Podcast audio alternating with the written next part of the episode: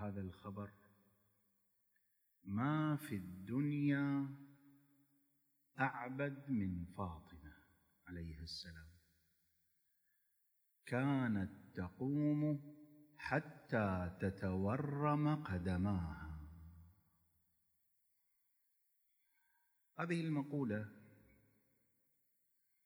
التي وردت في توصيف عبادة الزهراء سلام الله عليها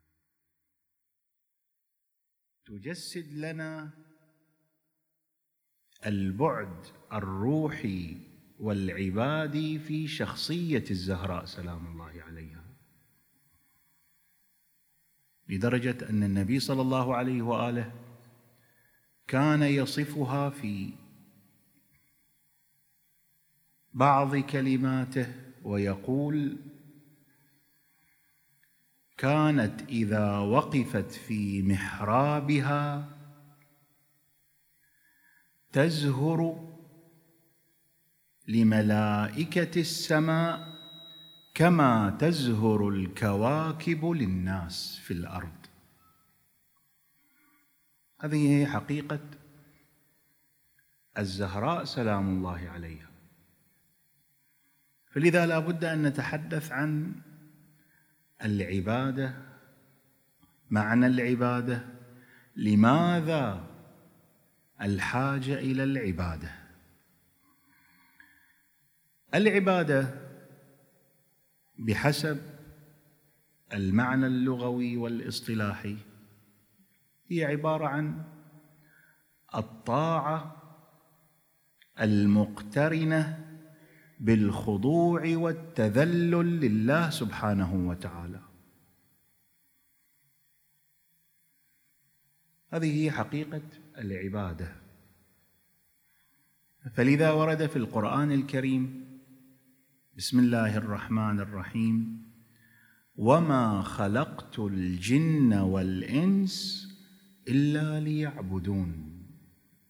يعني الغاية والغرض والهدف من خلق الإنسان في هذه النشأة تنحصر في العبادة. هل هذه العبادة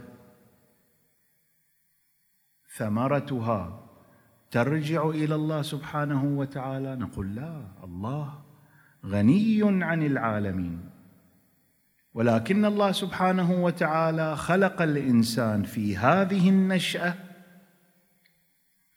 وأراد له الكمال.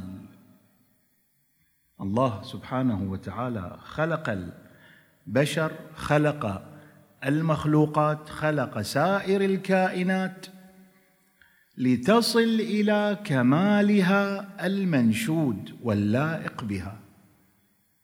وكمال الإنسان منحصر في العبادة.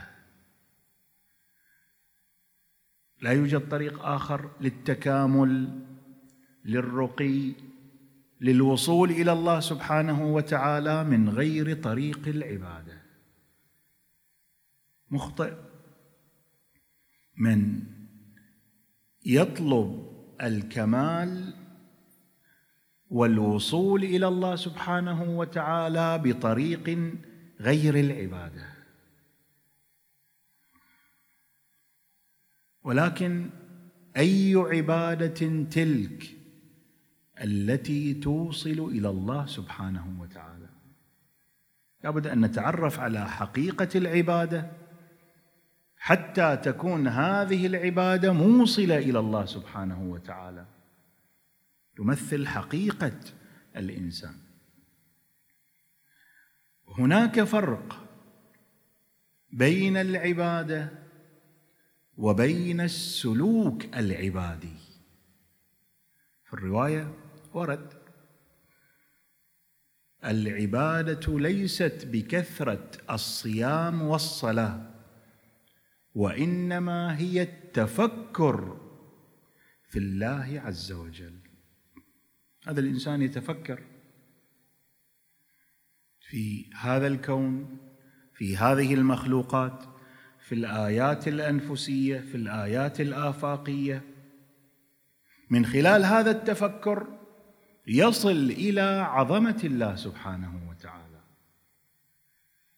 فعندنا عبادة بالمعنى الأخص والتي يعبر عنها أيضا بالسلوك العبادي. وعندنا عبادة تتمثل في هذه الحالة الروحية عند الإنسان. حقيقة العبادة هي عبارة عن حالة روحية تنبعث من إيمان الإنسان قلب الإنسان تجاه نفسه خالقه المحيط الذي يعيش فيه. فهناك عبادة بمعنى الحالة الروحية التي تستشعر معية الله عز وجل وأنه حاضر وناظر. فلهذا هناك مقولة جميلة للإمام الخميني رحمة الله عليه. يقول العالم محضر الله فلا تعصوا الله في محضره. يعني كل هذا الوجود الله سبحانه وتعالى يكون حاضر وناظر. فهذا الإنسان العاقل هو الذي يستشعر معية الله عز وجل وأنه حاضر وناظر. بعض يعيش حالة الغفلة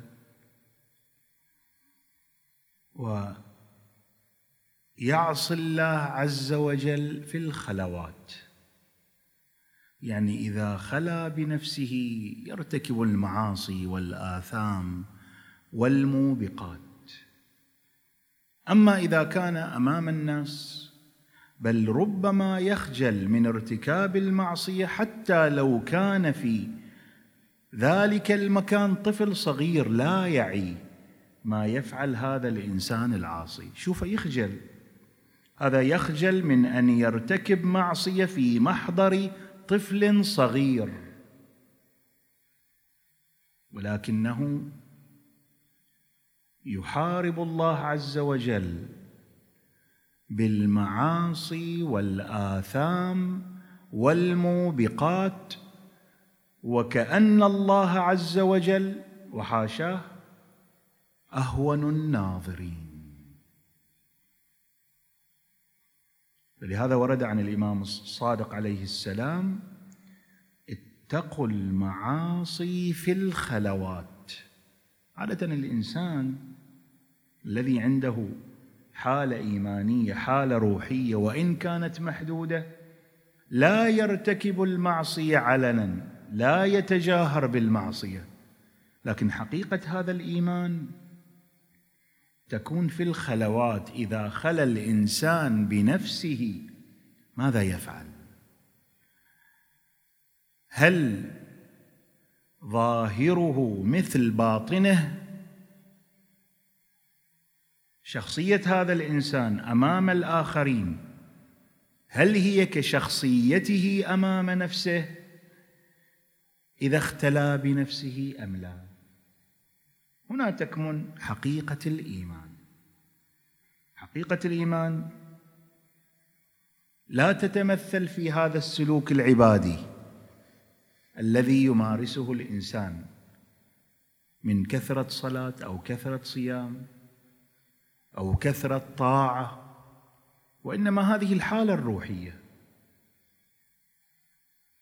اتقوا المعاصي في الخلوات فإن الشاهد هو الحاكم. يعني في هذه الدنيا في المحكمة الدنيوية حتى الإنسان المذنب يستطيع أن يتجاوز القاضي والحاكم الدنيوي يستطيع أن يتحايل على القضاء في هذه الدنيا. يأتي له بشاهد زور وتنتهي القضية. لماذا؟ لأنه في هذه الحياة الدنيا في المحكمة الدنيوية القاضي والحاكم يختلف عن الشاهد. لكن في المحكمة الأخروية الحاكم هو الشاهد.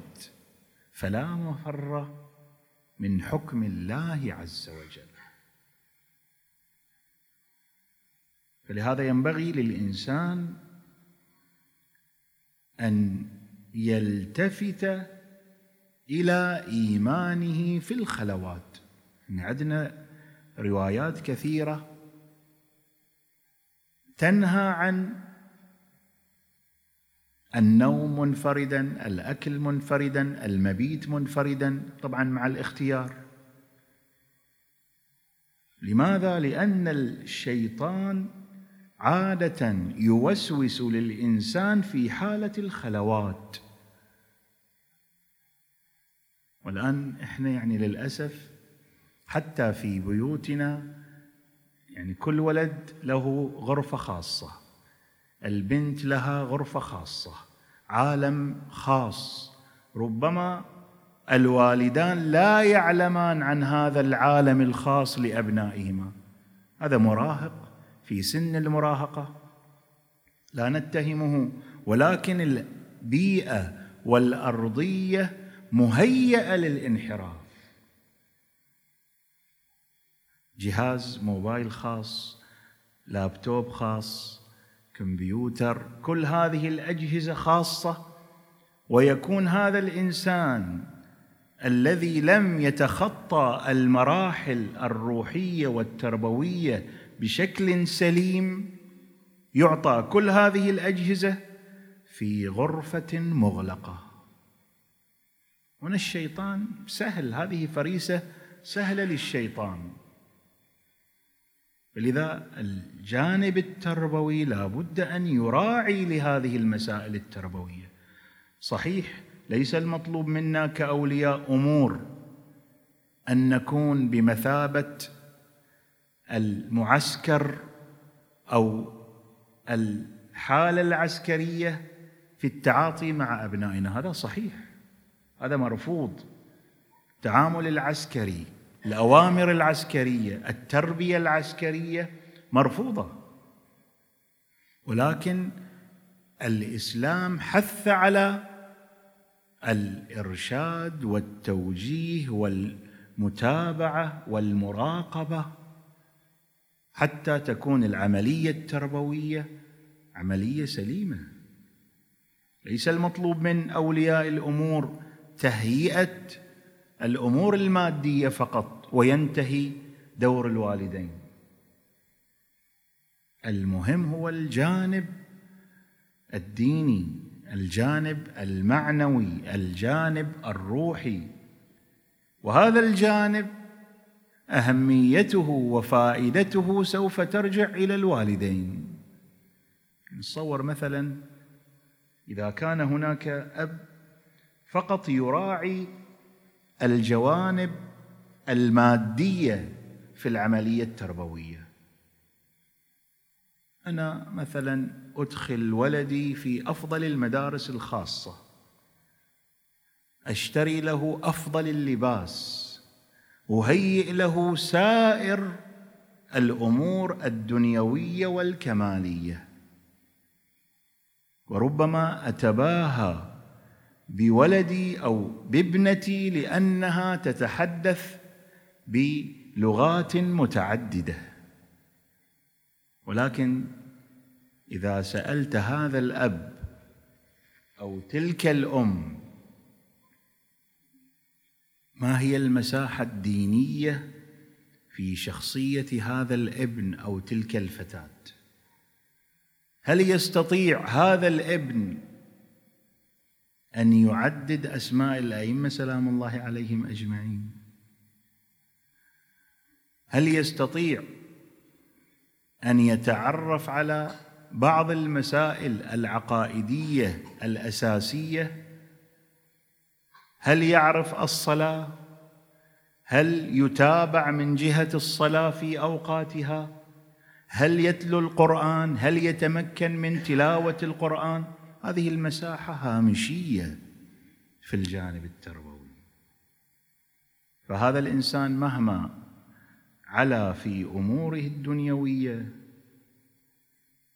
لن يكون بارا بوالديه. هذا الأب إذا كبر وضعفت قواه إذا ربى الأولاد والبنات على النظره الماديه فقط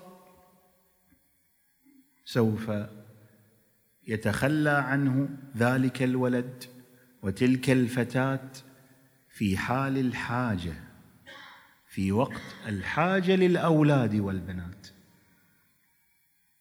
لماذا؟ لأن التربية هي تربية مادية. لا ربط لها بالقيم بالمبادئ بالواجبات. هذا الإنسان من السهل في المستقبل أن يتخلى عن والديه من أجل وظيفته من أجل أمواله من أجل سمعته. يعني البعض وهذا لاحظناه وصل إلى مرتبة دنيوية عالية من الوجاهة. أبوه ربما يكون فلاح أو إنسان عادي. وفر له كل الأمور من أجل أن يصل هذا الولد أو تلك الفتاة إلى أعلى المراتب الدنيوية في تعليمه في ملبسه في مأكله. ولكن لم يحافظ على البعد الديني والبعد الروحي. بعضهم وصل إلى مراتب عليا دنيوية يخجل أن يقول هذا أبي. يخجل أن يقول هذا أبي من خلال لباسه أو من خلال عدم كونه شخصية مرموقة أو شخصية معروفة في المجتمع. هذا الذي يتنكر لأبيه من أجل سمعة دنيوية لا خير فيه. مهما كان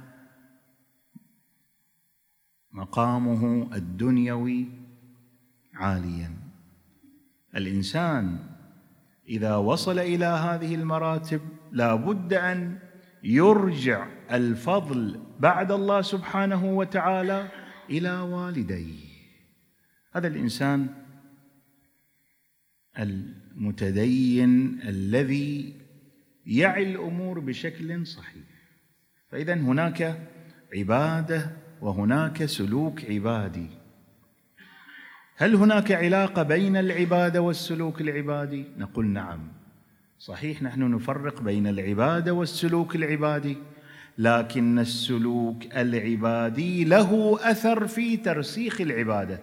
يعني أيضا ليس من الصحيح واحد يقول مثلا العبادة هي حالة روحية. ليست بكثرة الصلاة أو بكثرة الصوم وإنما هي حالة روحية. فاذا لا حاجة لي في الإكثار من الصلاة والإكثار من الصوم والإكثار من السلوك العبادي. هذا خطأ. السلوك العبادي يؤثر على العباده يرسخ الحالة الروحية. فلهذا ورد في الرواية في الحديث القدسي من تقرب إلي بالنوافل كنت سمعه الذي يسمع به. وبصره الذي يبصر به ويده التي يبطش بها. إذا ناداني استجبت له وإذا سألني أعطيته.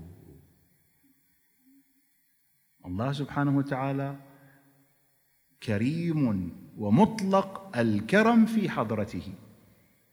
فإذا تقرب له العبد خطوة تقرب له الله سبحانه وتعالى بشكل غير محدود. فنحتاج إلى هذا السلوك العبادي من أجل ترسيخ الحالة العبادية عند الإنسان. لكن هذه العبادة وهذا السلوك العبادي لا بد أن يكون منطلقه واعي وعي.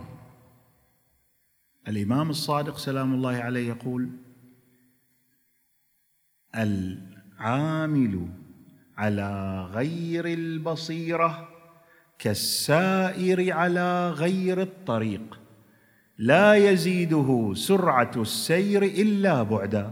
يعني هذا الإنسان إذا أراد أن مثلا ينتقل إلى منطقة معينة وهو لا يعرف الطريق كلما أسرع وهو لا يعرف الطريق الصحيح سوف يبتعد عن هدفه. كل ما أسرع هذه السرعة لن تفيده وإنما سوف يبتعد أكثر عن هدفه وعن طريقه. قبل الحركة لا بد للإنسان أن يحدد الهدف يحدد المسار. أنا في عبادتي لله سبحانه وتعالى في صلاتي في صومي. هل أريد التقرب إلى الله سبحانه وتعالى؟ أم أريد السمعه أو الرياء أو ما شابه ذلك من الأمراض النفسية؟ يعني إبليس متخصص للمتدينين. يعني شغل إبليس مع المتدينين. أما بعد غير المتدينين الذين هم ابالسه صغار ما يعطيهم وجه. إبليس شغلته هي المتدينين يبحث عن المتدينين. كل ما زاد التدين إبليس حاضر له. بل إذا زاد تدين هذا الإنسان ليس فقط إبليس إبليس يجيب له يا جماعة بعد. هذا ما أقدر عليه تعالوا معي حتى نغوي هذا الإنسان. فاساسا إبليس تعهد أن يغوي المتدينين. أما غير المتدين بعد إبليس يتباعد عنه. فأحد الأشخاص يعني هذا ضروري حتى نلاحظ خواطر النفس. أحد الأشخاص كان يصلي صلاة جماعة. الصف الأول. لمدة ثلاثين سنة. هذا شخص معروف. يصلي جماعة في المسجد في الصف الأول. في مرة من المرات تأخر عن الصلاة صلاة الجماعة وصلى في الصفوف المتأخرة. يعني ما صار في الصف الأول لا صار في الصفوف الخلفية ولكنه صلى جماعة أيضا. فحينما صلى وكبر جاء له الشيطان وهو في صلاته. فهذا قام يفكر يقول الآن ماذا سيقول عني الناس؟ وأنا تأخرت في الصفوف الخلفية. كيف سينظر إلي الناس وأنا لم أكن في الصف الأول؟ في صلاة الجماعة وهو في صلاته. بعد ذلك التفت إلى نفسه إنه كان إنسان صادق مع نفسه وقضى صلاة ثلاثين سنة. قل كنت أصلي ثلاثين سنة للناس. وأنا أريد أن أصلي لربي. فالإنسان الذي يرغب في التكامل لا بد أن يلتفت إلى خواطر النفس. هذا العمل الذي أقوم به لا بد أن يكون خالصا لوجه الله. طبعا لا يفسح المجال للوسوسة. واحد يقول والله أنا ام بصلي صلاة الليل لكن أخاف يجي لي رياء فبقعد. أريد أروح الحسينية لكن أخاف في رياء فأقعد في البيت. أريد أروح أصلي في المسجد جماعة أخاف يصيدني رياء أقعد في البيت. لا ليس هذه النظرة الصحيحة. النظرة الصحيحة اذهب إلى المسجد إلى الحسينية والمأتم وإلى التجمعات الدينية لكن بإخلاص. فإذا كان هناك خلل في الإخلاص ليست المعالجة بالانقطاع والابتعاد وإنما بتصحيح الخلل.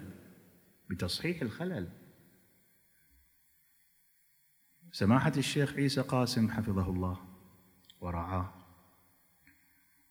تذكر مرة من المرات طلب منه في قم المقدسة أن يتعرض إلى تجربته الدراسية. اعتبار كان يعني مجيء سماحة الشيخ حفظه الله في بداية الموسم الدراسي في قم المقدسة قبل سنوات. فطلب منه أن يتحدث عن سيرته كيف ذهب إلى الحوزة ما هي الخواطر ما هي الذكريات. حينما طلب منه امتنع. قال لا لا أتكلم في هذا الموضوع. إذا أردت الكلام أتكلم عن موضوع آخر لكن هذا الموضوع لا أتكلم عنه. قيل له لماذا؟ قال أخشى أن أتحدث عن خواطر فيكون في حديث عن النفس.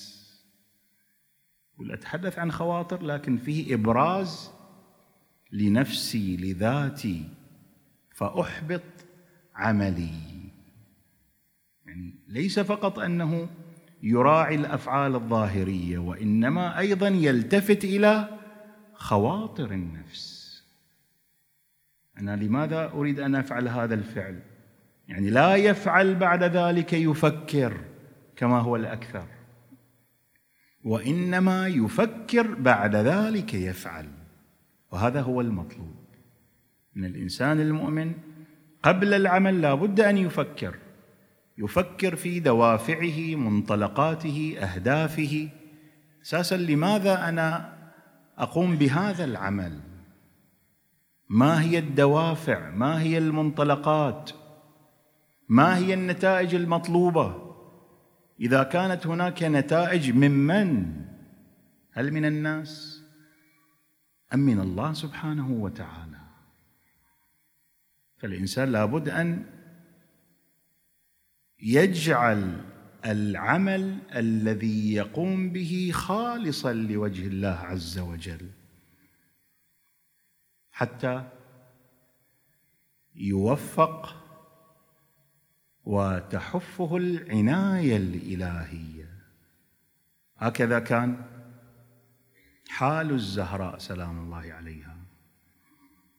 كانت الإنسان الكامله فلذا حق أن يقال لها أم أبيها. النبي صلى الله عليه وآله عاش يتيما. ولكن الزهراء سلام الله عليها ملأت هذا الفراغ المرتبط بفقدان الأمومة. فنالت شرف أن تكون ابنة النبي وأن تكون أما للنبي.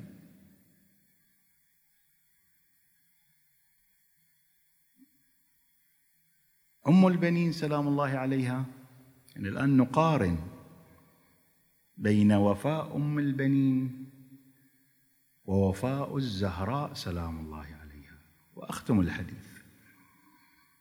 أم البنين كما تنقل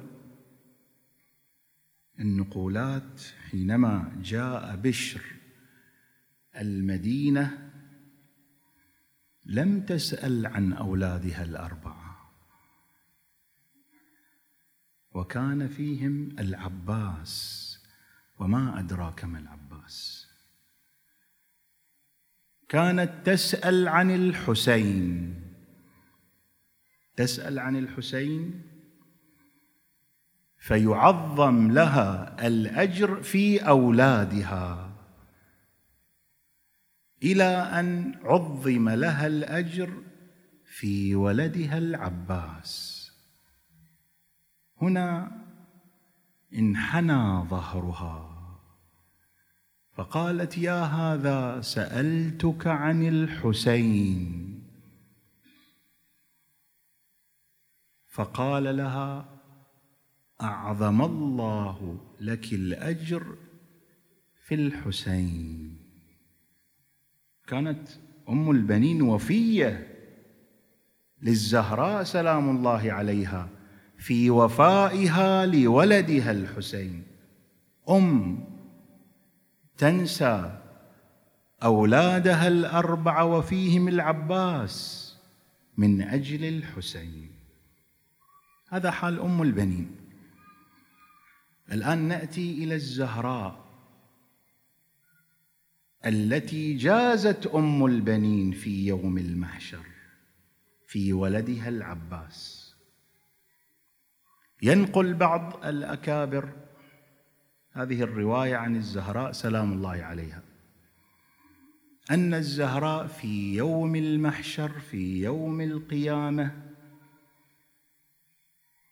يؤذن لها بالشفاعة وعندها بعض المصائب التي تحملتها في سبيل الله. في يمينها قميص الحسن وفي يسارها قميص الحسين وأمامها إناء فيه سقطها المحسن. يأتي لها جبرائيل